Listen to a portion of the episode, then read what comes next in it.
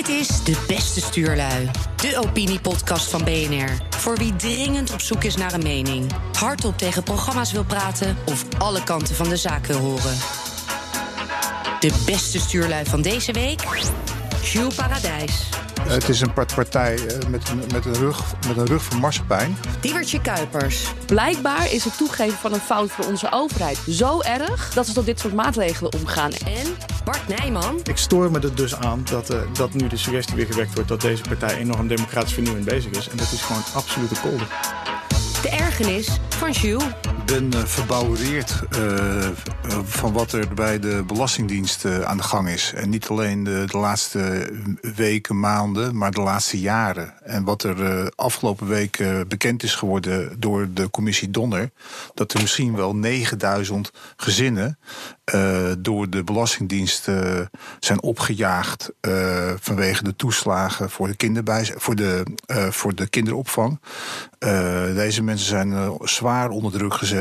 Uh, ze uh, hebben rechtszaken aan de broek gekregen. Uh, er is eigenlijk ook gescand op basis van nationaliteit.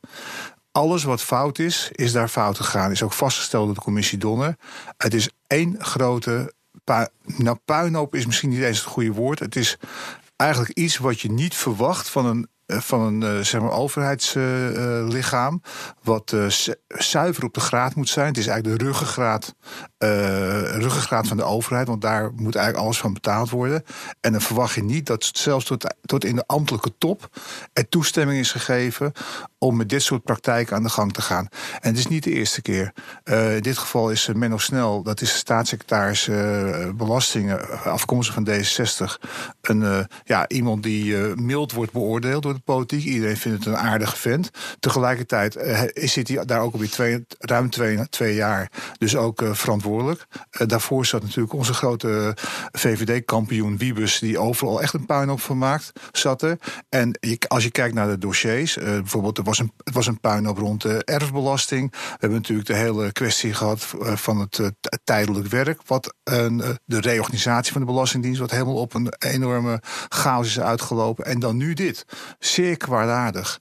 En, ik, en de schattingen lopen nu op dat 9000 gezinnen zijn getroffen. Mensen die hun huis uit moesten omdat ze niet meer konden betalen. Mensen die zijn, zijn gestopt met werken.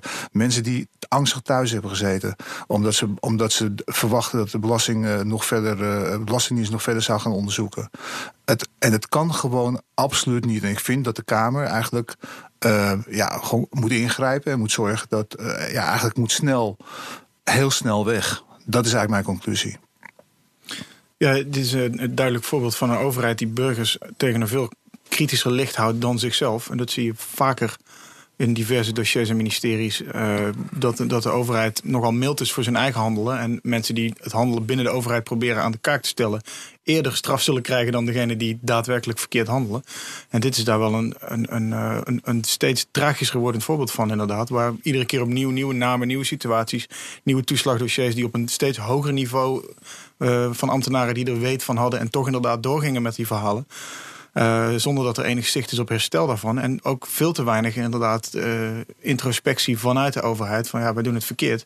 En zeker in het geval van Belastingdienst heel erg. Omdat ze, uh, ze houden zichzelf gewoon niet aan hun eigen wetten. En juist, ik bedoel, maak maar eens 10 cent minder over. Dat is heel flauw om dat te zeggen misschien. Maar probeer het maar eens. En je wordt tot in de poorten van de hel met blauwe enveloppen bestookt. En andersom uh, hebben ze gewoon een vinkje achter de namen gezet bij mensen en gezegd van ja, maakt niet uit wat ze gedaan hebben of ze het gedaan hebben, ze zullen betalen. En, en het gaat toch verder dan dat, hè? Want hier, hier, gaat het ook over gewoon, nou ja, ambtenaren kunnen niet zomaar strafrechtelijk vervolgd worden. Uh, maar als een van ons bijvoorbeeld inderdaad mijn eetplicht, wat bijvoorbeeld de landsadvocaat wel heeft gedaan, hè, terwijl ze dus al wisten dat ze ernaast zaten, alsnog voor de rechter gewoon mijn eet plegen. Zoals uh, Pieter Klein ook had onthuld afgelopen week. Ja, dat gaat vrij ver. Want dat betekent eigenlijk dat we een overheid hebben die liever um, feiten begaat die in het civiele leven strafbaar zijn. Uh, zoals rommelen met dossiers inderdaad. Of gewoon liegen uh, uh, als ze de waarheid moeten vertellen. Um, dat ze dat liever dat doen dan toegeven dat ze een fout hebben gemaakt. En dus zeggen van we gaan het corrigeren. Dus blijkbaar is het toegeven van een fout voor onze overheid zo erg dat ze tot dit soort maatregelen omgaan. En dat is dus inderdaad een overheid die niet aan te spreken is op fouten. En daarom ben ik wel inderdaad met, met Jules ons ook eens. Want het is echt belangrijk dat de Tweede Kamer hier nu ook ingrijpt. Want dit is gewoon onvergeeflijk wat hier gebeurd is. Maar ook als je bijvoorbeeld, uh, kijk, je zult zelf maar zijn. Hè? En je wordt dus op de korrel genomen, zonder hoor en wederhoor.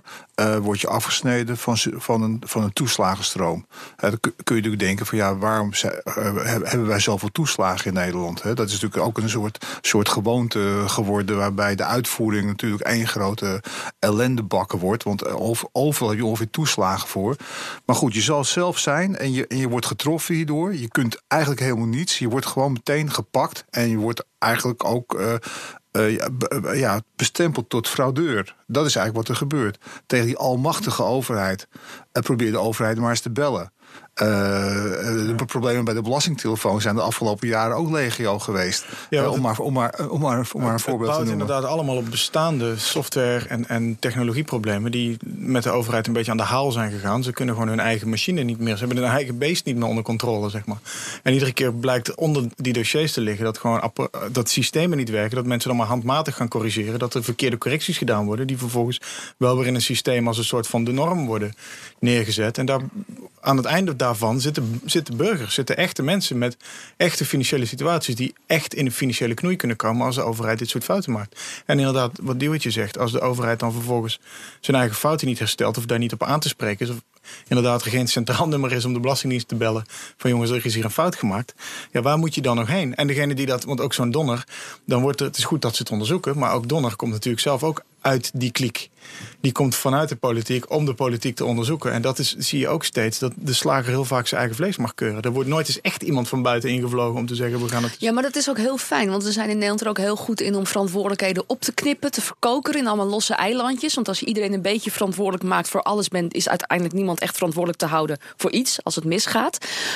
Um, dus dat is voor hè, het verspreiden van politieke, politieke verantwoordelijkheid of juist het ontlopen daarvan, is dat heel handig. Als je dat gaat uitsmeren over eh, diverse delen de organisatie. Het punt inderdaad is wel voor de burger, uh, ja, bij, bij, welk loket moet je zijn als het misgaat? Want het is allemaal heel erg verkokerd. Het een extreme verkokering. Uh, voor elk probleempje of elke toeslag is weer een ander loketje of een nummer of een iets wat je moet doen. Punt is wel, um, die losse eilandjes communiceren niet met elkaar. Dus als ik bij loketje 1 word neergezet als een fraudeur, heb ik vervolgens niet alleen problemen bij dat ene loket, maar ook met die 19 andere waar ik mee te maken heb. En dat maakt het denk ik heel uh, A, onoverzichtelijk voor de burger. Je weet niet waar je moet aankloppen. Maar ook B, heel erg lastig om dit soort fouten op tijd weer recht te zetten. Ja, maar, maar kijk, dat rapport uh, Donner, hè, dat is uh, eigenlijk gewoon heel goed. Want het legt de vinger op de zere wonden. Eigenlijk zou een staatssecretaris, als je dit leest, zou een staatssecretaris, ze zijn er echt voor minder gegaan, die zou onmiddellijk moeten opstappen. Het gekke is dat uh, Snel dat dus niet doet. Okay, kennelijk omdat hij slim is, politiek slim en natuurlijk steeds belooft dat er verbeteringen komen en zich achter het rapport stelt. Maar, maar daar uh, dit rapport is zo spijkerhard. Het gaat niet over 300 gezinnen, maar het gaat opeens over 9000 ja. gezinnen. Je hoort tegenwoordig altijd het mantra van ja, wat heeft het voor nut als een staatssecretaris opstapt? Want dan dat, dat lost het probleem niet op. Alleen doordat hij mag blijven, voelt hij ook niet. En ook zijn eventuele opvolgers voelen dus niet de juiste druk om het probleem op te lossen, wetende dat het hen anders de kop kost. Dus ik, ik bedoel eigenlijk met om weg te zeggen, mee eens. Hij zou, uh, hier zouden best gevolgen aan verbonden mogen worden, aangezien het al de zoveelste onthulling is tijdens zijn twee jaar, waarin dingen misgaan. En een aantal jaar geleden ging, uh, moest Wekers nog opstappen voor, voor een beduidend kleiner uh, incident met, uh, met Polen, Polenfraude, Roemeenenfraude. Dat soort dingen. Dat was een veel kleiner, specifieker ding. Dat kostte hem al de kop. En nu uh, lijkt het probleem vele malen groter en onoverzichtelijker. En de staatssecretaris mag gewoon blijven zitten. Het gekke is dat die opstelling en die houding van die Belastingdienst juist daarmee te maken heeft. Uh, ju juist door destijds door die was het de Bulgarenfraude. Uh, waardoor waardoor ze als een konijn in, een, in de koplampen zijn gaan kijken en met, met dit, met dit beleid zijn gekomen. Dus ik bedoel, wij, ja, ik heb ooit tien jaar uh, in Den Haag uh, gewerkt. En er zijn echt staats, staatssecretarissen uh, geweest die voor veel minder zijn vertrokken. En het, het, zou gewoon ook een echt een goed signaal zijn aan, aan de burgers. En daar juist een partij als D66, waar deze man lid van is. ja, zou ik gewoon die stap zetten. Ik zou het gewoon doen. En niet denken van nou, uh, dit passeert wel weer. Want, maar je, je, bent zelf, je bent er zelf bij betrokken ook geweest. Het is niet zo dat het je overkomen is omdat je net staatssecretaris bent. Nee, je ambtelijke top heeft instructies gegeven. Uh, ja, dan kun je daar zelf niet voor weglopen. Ja, de cynicus zou misschien zeggen van ja, maar dit probleem raakt de stemmers van D66 ook niet. Want dat zijn normaal mensen met die wat gemiddeld wat beter gaat en geen toeslagen nodig hebben. Dito VVD en, uh, en CDA. Dus dat is ook een beetje het, de problematiek hier. Hè? Van het, het, raakt niet de 18, 9000 gezinnen. Dat is niet de achterban van de regeringspartijen op dit moment. Uh, en ik durf de hypothese wel aan dat er ook wel iets mee te maken heeft dat ze zich wat minder snel uh, hier wakker van zullen liggen. Ja, nou ja, goed, we zullen het, uh, we zullen het wel zien. Uh, ik ben benieuwd. In ieder geval uh, kan ik me niet voorstellen dat deze mensen niet ruimhartig worden gecompenseerd voor, de, voor, de, voor wat hier is aangericht. De ergernis van Diewertje. Ja, ik heb inderdaad een ergernis die al een tijdje loopt. Uh, die ook weer heel erg actueel is. Uh, en het gaat inderdaad het debat over de ongeveer 70 uh, burgerdoden... die zijn gevallen tijdens een, een Nederlands bombardement in Irak, in Hawija. Um, in, ja, in principe hè, is het niet heel erg ernstig in die zin uh, dat die opzettelijk zijn gevallen. Want hè, waar gehakt wordt, vallen Spaanders. In dit geval, hè, de, luchtmacht moet zich altijd baseren op de inlichtingen die voorhanden zijn. Uh, en die is niet altijd even precies. In dit geval uh, was het, het, doelwit wat ze voor ogen hadden, bleek uiteindelijk een munitieopslag te zijn. Dus de impact was natuurlijk vele malen groter dan ze hadden verwacht. wat dus voor heel veel nevenschade jammer genoeg heeft gezorgd. Maar dat is niet waarom minister Bijleveld nu of voor de tweede keer ook op het matje wordt geroepen door de Tweede Kamer. Dat heeft ermee te maken met van ja, uh, uh, we zijn er net pas achter gekomen dankzij een artikel in de NRC dat er überhaupt burgerdoden waren. Uh, en dat is heel erg vreemd ook, hè, want bijvoorbeeld Pentagon, maar ook Franse ministerie van Defensie, Britse ministerie van Defensie. Nou, eigenlijk alle coalitiepartners zijn daar heel transparant over. die geven wekelijks tot twee, drie wekelijkse rapportages ook hè, over de bombardementen die zijn uitgevoerd en of er eventueel burgerslachtoffers bij gevallen. En interessant is dat de smoes van Nederland altijd is geweest van nee, wij geven geen locatie uh, weg. En ook niet het aantal burgerslachtoffers, want dan kan de nationale uh, veiligheid en ook de veiligheid van onze piloten in het gedrang brengen. En als je dan vraagt van ja, in hoeverre verschilt Nederland dan van de coalitiepartners? Want het is niet dat wij leading nations zijn. Ja, dan is het van dat kunnen we niet zeggen, want dat is natuurlijk geheim. Nou, dat is natuurlijk heel moeilijk om uh, de Kamer zo te controleren. Um, waar het nu eigenlijk over gaat, is van ja wist de Nederlandse regering ook dat die 70 burgerdoden zijn gevallen. Uh, en daarom was deze lange aanloop ook even nodig. Uh, want Rutte zegt dat hij er geen actieve herinnering meer van heeft. En dat is natuurlijk heel erg ongeloofwaardig. Want op het moment dat jij als Nederland kiest om tegen alle coalitiepartners in een heel apart beleid te voeren, namelijk het beleid geen burgerslachtoffers brengen wij niet naar buiten, uh, dan ga jij mij niet wijsmaken, of dan vind ik het in ieder geval heel erg moeilijk om te geloven dat op het moment dan ook 70 vallen dat je daar geen actieve herinnering van hebt.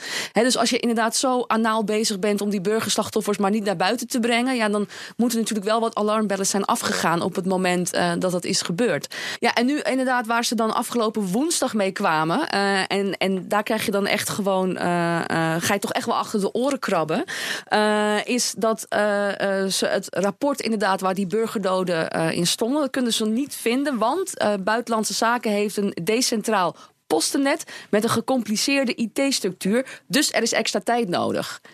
Nou, um, Jan Mastijk, oud-CDA-Kamerlid, uh, zei al gelul. Um, en ik zal ook even uitleggen waarom ik het met hem eens ben. Uh, want eigenlijk alles in Den Haag wat geheim is, dat heeft ook een referentienummer. Hè? Dus je houdt alles nauwgezet bij, want je wilt natuurlijk wel weten welk document geheim is en welk niet. Als je de locatie niet weet van een geheim document, dan moet je het beschouwen als gecompromitteerd. En dan moet je aangifte doen bij de Koninklijke Marechaussee. Dat heeft die minister niet gedaan. Ze heeft gezegd: ik kan hem niet vinden.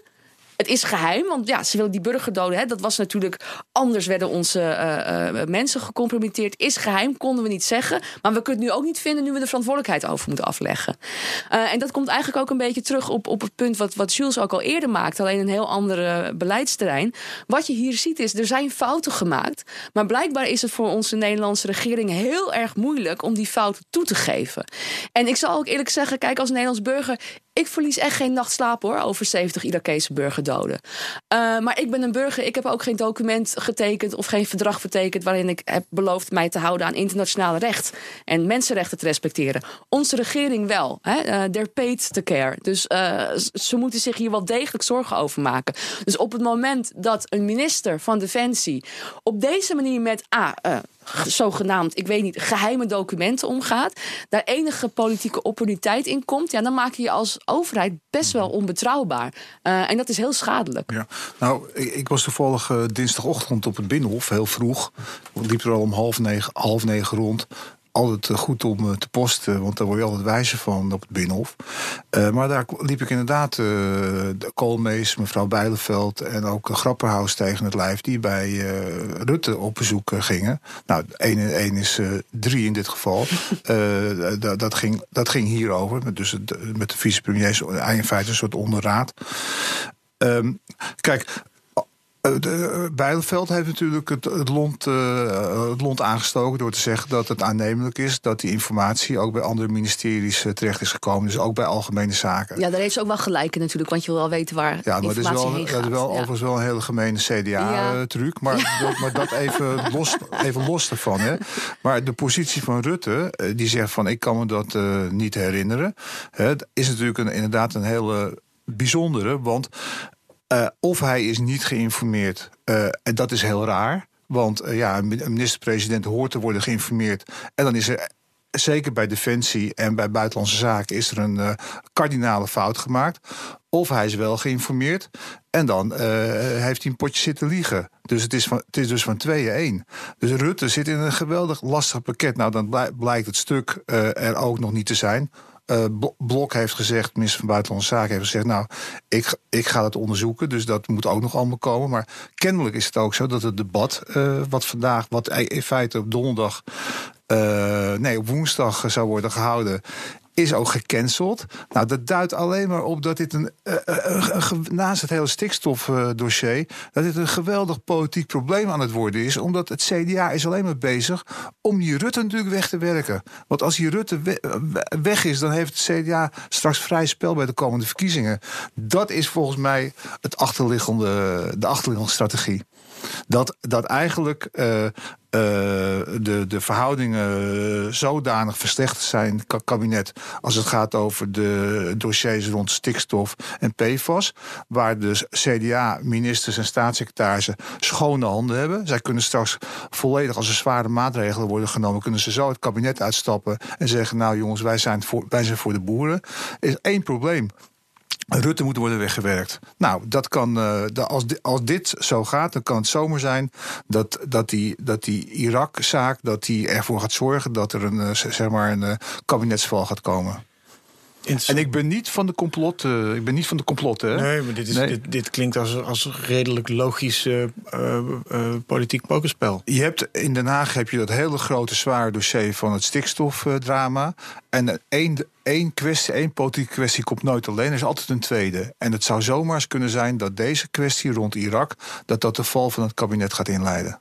Ja, ik vind het helemaal niet onlogisch klinken. Dit klinkt als, als wat ik zei, als, als politiek pokerspel. En Bijleveld is van het CDA en die denkt... ik ga hier niet in mijn eentje het uh, de schild voor dragen... voor iets wat voordat zij minister was al bekend was. Want het is natuurlijk onder Hennis, VVD-minister Hennis... de verantwoordelijkheid gebeurd als minister van Defensie. En het is onmogelijk voor te stellen dat Rutte hier niet van wist. Wij hadden met Geen Stel TV hadden we uh, Klaas Dijkhoff voor de camera... en Tom Staal die bleef maar vragen... Van, hoe zit het dan met geheugen? En Dijkhoff die begon op een gegeven moment echt... gewoon uit te leggen hoe het menselijk geheugen werkt. Op zo'n manier dat je echt denkt van... Wat, sinds wanneer ben je daar expert in? Maar dat was ja, overduidelijk om maar niet over het onderwerp zelf te hoeven praten. Maar ze weten echt wel meer dan ze zeggen. En dat, dat blijkt ook uit, uit hoe Deeltje net opzomt. Wat, wat, hoe de technische aspecten hiervan zijn. Dat, uh, over de nummering van die dossiers en dergelijke. Of altijd het eeuwige gelul over ICT-systemen die niet aan elkaar geknoopt zijn of zo. Zo ging het ook ooit met dat bonnetje van Teven en Opstelten natuurlijk. Uiteindelijk ligt het altijd ergens. En reken maar dat hier een dossier van is. En reken maar dat Rutte ervan weet. En het is inderdaad helemaal geen onlogische gedachte dat het CDA aan de kant van de boeren wil blijven staan in het stikstof, stikstofverhaal. Ik bedoel, daar kwam dat hele PFAS-ding ooit al vandaan als een polderakkoord waar Henk Bleker mede verantwoordelijk voor was. Om de boeren een beetje te helpen waar mogelijk. Uh, door eigenlijk in geleende tijd stikstof uit te gaan stoten. Om, om het helemaal heel kort samen te vatten. En als de VVD nu samen met D66, en ze leunen, die twee leunen heel sterk naar elkaar in deze coalitie, uh, toch iets stringenter in dat stikstofverhaal gaan worden. Het is nu alleen die 100 kilometer, maar er, komt, er moet iets achteraan komen. Dan heb je best kans dat CDA inderdaad zegt, ja, niet met ons. En als Rutte dan beschadigd is of, of zelfs uh, op wankelen staat door zo'n Irak-burgerdodenverhaal, wat in internationaal opzicht, verdragstechnisch, eh, oorlogsrechttechnisch, et cetera, best wel zwaarder kon dreunen dan hoe wij als burgers inderdaad niet wakker zullen liggen van 70 doden, burgerdoden in Irak, meer of minder. Ja, nou, ik vind het, dit het klinkt absoluut niet naar complot, maar naar berekening, politieke berekening. Ja, dat zal alleen helpen als, denk ik, als Henk Bleker toch niet die boerenpartij gaat oprichten waar hij om hint. Dat is natuurlijk wel heel vaak inderdaad met dit soort dingen van. Uh, dat, is, dat is altijd zo. Hè? Zeker ook gewoon internationale politiek heeft altijd een effect op binnenlands beleid en, en vice versa. En zeker in coalitieland Nederland met meerdere partijen. Het is altijd een uitwisseling. En dat gaat niet alleen met, met elkaar dingen gunnen, maar ook inderdaad met de pijn dragen. Hè? Wie draagt welke pijn op wel, welk dossier? En daar worden echt wel gewoon uh, goede calculaties gemaakt van nou, wat zal aan mij kleven bij de volgende verkiezingen.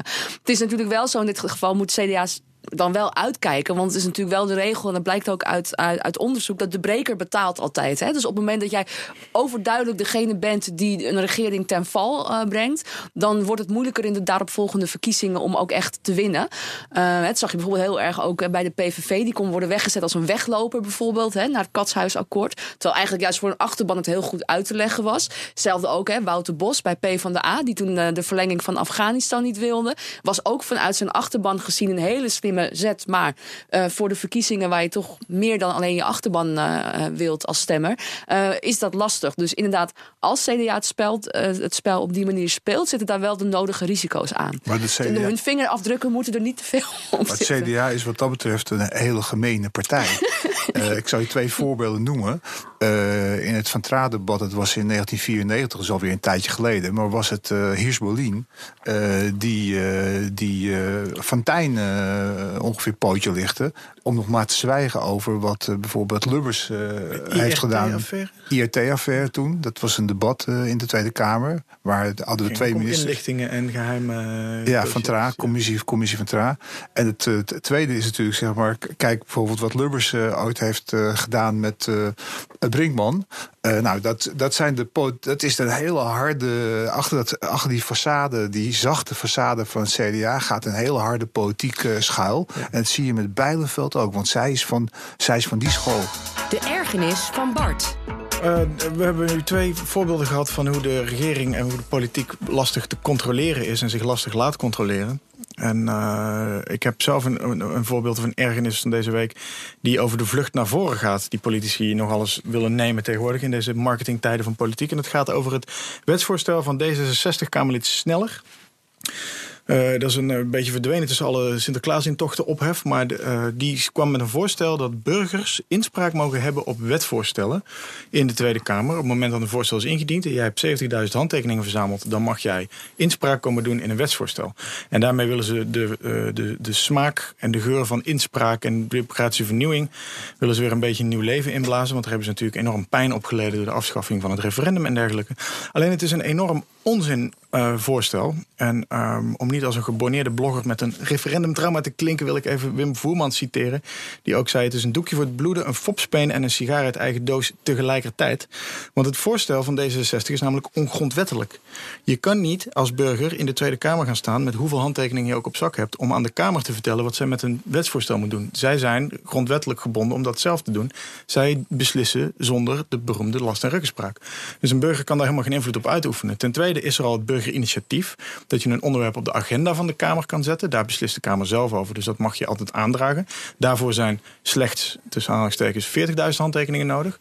Dus waarom nou inspraak op een voorstel ineens 70 moet hebben, is ook een beetje raar. Uh, en wat me eigenlijk nog het meest irriteert, is dat zo'n voorstel van D66 nogal groots met een interview en aankondiging in de media wordt gedropt. En dan zie je dat in een interview in Trouw en dan staat het op de NOS. En dan wordt het allemaal, oh, D66 is weer bezig om eh, iets democratisch vernieuwends te doen. Terwijl in de werkelijkheid zitten zij in de coalitie met CDA en met VVD. Twee notoir inspraakhatende partijen die gewoon altijd tegen een referendum zijn en zijn geweest. Dus die kun je niet verwijten dat ze dat zijn. Dat is altijd al een standpunt geweest. En nu suggereert D66 toch dat ze dit willen gaan doen. Waar ze ten eerste dus al een grondwetswijziging voor nodig hebben. Maar ten tweede in hun eigen coalitie nooit genoeg bereik mee zullen krijgen. En op die manier, dat bedoel ik met die vlucht naar voren waar ik dit uh, rondje mee begon.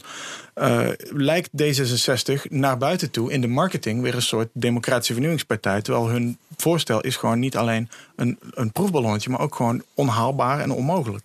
En in werkelijkheid is het nog steeds de partij die het referendum, wat we al hadden, heeft afgeschaft en ingetrokken. En dus moeten wij weer. Ja, en, maar ik stoor me er dus aan dat, uh, dat nu de suggestie weer gewekt wordt dat deze partij enorm democratisch vernieuwend bezig is. En dat is gewoon absolute kolder klink ik toch een beetje als een, als een, als een getraumatiseerde referendum ja, Nou ja, ik denk, ik denk dat je wel gelijk hebt dat ze proberen wat te repareren van wat, er, uh, wat ze aan kroonjuwelen hebben vernietigd. Uh, dus ja, nee, dat, dat is duidelijk dat ook richting verkiezingen dat ze dit zo doen. Iets anders is dat je, je ziet natuurlijk wel op lokaal niveau, als je het hebt over uh, noem het maar, vormen van participatie van de, van de burgers uh, om verschillen te overbruggen. Dat zie je in verschillende steden, zie je dat terug met allerlei vormen van ja, heel veel hoer, zeg maar. waar ik niet heel erg vrolijk van word, maar het schijnt soms wel te helpen om, om, om elkaar goed te verstaan en Af, zo. Afgelopen weekend was er een burgertop over Schiphol in Wijk aan Zee. En daar zou ik eigenlijk ook naartoe gaan, maar ik, had, ik, ik zat met wat nasleep van griep, dus ik ben niet gegaan. Het is georganiseerd door Bert Blazen, de... Code Oranje. Code Oranje, inderdaad. Burgemeester van Herengewaard. En die had een, een, paar honderd burgers bij elkaar gebracht in een zaaltje in Wijk aan Zee. Om groepsgewijs aan tafeltjes te praten over, en niet met het, expliciet niet met het mes op tafel. De Telegraaf heeft er ruim aandacht aan besteed. Uh, over het Schiphol en wat daarmee te doen. Omdat er, er zijn economische belangen en er zijn milieukwesties. zijn overlast, hinder natuurlijk, vliegverkeer, in de buurt wonen, huizenprijzen, rotzooi in je omgeving. En dat is, dat is een, een, volgens mij een serieuzere vorm van burgerinspraak waar we meer mee zouden moeten of meer mee zouden kunnen. Omdat op die manier mensen, in plaats van dat ze op social media elkaar bestoken voor alles wat uh, mooi en vooral lelijk is tegenwoordig daar. Of een uh, landelijke politiek die zich gewoon nergens iets van aantrekt en ook niet wil trekken en dus alle mogelijkheden daartoe afbreekt. Dat je dit op, op lokale of regionale schaal beter op tafel legt. Mensen in één ruimte brengt. Over de voor- en nadelen laat spreken. En dan daarmee hopelijk tot een soort consensus komt... die dan door een of andere ballotage moet of zo... maar dan misschien gebundeld ingeleverd kan worden... op de plek waar er besluit over genomen moet worden. Van, de Tweede Kamer zet dit nou eens op de agenda. Dit zijn de afwegingen economisch, dit zijn de afwegingen klimaat en omgeving. En wij zijn er met ons allen die zich betrokken voelen... op deze manier onderuit of over uitgekomen. En gaan jullie dit nou eens vanuit dit startpunt behandelen. In plaats van vanuit je eigen partijretoriek over hoe je. Want uh, ook hier geldt, uh, als een partij weinig kiezers in de omgeving van Schiphol heeft. Ik bedoel, alle partijen hebben kiezers in de omgeving van Schiphol, maar laten we even aannemen. Mm -hmm. Voor dit voorbeeld sake. Uh, dat bijvoorbeeld D66 geen kiezers heeft in de omgeving Schiphol. Ja, wat zouden zij zich dan druk maken over dat onderwerp? Dus keer het om laat de burger het zelf naar de politiek brengen. En dwing ze op een of andere manier, of daag ze uit, of nodig ze uit om het, om het vanuit die route bespreekbaar te maken. Ja, maar dat is denk ik juist een beetje het probleem. Dat dwingen om iets bespreekbaar te maken, of de overheid dwingen om naar je te luisteren. Dat is nou precies wat nou gewoon de afgelopen jaren ook een beetje wordt afgebroken. He, want dat zie je bijvoorbeeld ook bij WOP-verzoeken, die worden ook steeds lastiger. Uh, dat worden informatieverzoeken. Uh, ja, waarom? Omdat ja, bij een WOP-procedure is bestuursrechtelijke procedure. Dus als de overheid zich gewoon niet aan de wet houdt, dan kan je naar een rechter gaan en dan kan je alsnog uh, dwingen tot een uitspraak, tot aan de Raad van State aan toe als het moet. Uh, dus dat, dat zie je steeds meer. De overheid zegt van nee, we gaan wat meer af van die WOP-verzoeken, maar we doen meer proactief. Want zo zijn we naar jullie toe. Dan gaan wij wel bepalen welke informatie voor jullie burgers leuk is. Gooi ze wat uh, Excel-sheets online en denken ze dat daarmee de kous af is. Dat vind ik best wel ernstig. En dat ook in combinatie met zo'n het afschaffen van een referendum en dan met zoiets komen van ja, het is een soort ja, een, een doekje voor het bloeden om te laten zien zien dat je heus wel hè, iets met het sentiment doet. Maar je wilde niet echt aangehouden kunnen worden. Hè? Het moet wel een beetje vrijblijvend blijven, want anders is het niet meer leuk voor bestuurders. Wat, wat, mij, wat mij altijd zo stoort daarin is dat uh, een veelgehoord uh, argument tegen het referendum is dat politici zeggen: het is te ingewikkeld voor burgers om zich uh, over te buigen. Daar zijn wij voor aangesteld en daar doen wij onze, ons denk, denk- en stemwerk over. Maar tegelijkertijd zijn diezelfde politici ook zelden bereid, inderdaad, om, om, om de burger wat uh, duidelijker informatie te verschaffen, wat meer achtergrond op een manier te vertalen, zodat het niet meer alleen maar een ambtenarenlingo is en, en politieke speak. Ja, dan is het ook gewoon onzin, want er blijkt ook gewoon uit onderzoek, ook naar het Oekraïne-referendum. Volgens mij was het vanuit de UvA en zo, die club van Tom van Media, had ook onderzoek gedaan uh, naar de mate van, uh, van informatie onder de bevolking. En zeker over de Europese Unie in het algemeen en Oekraïne in het bijzonder, was dat een verhoogde kennis onder de bevolking. Waarom een referendum dwingt dus om erover na te denken.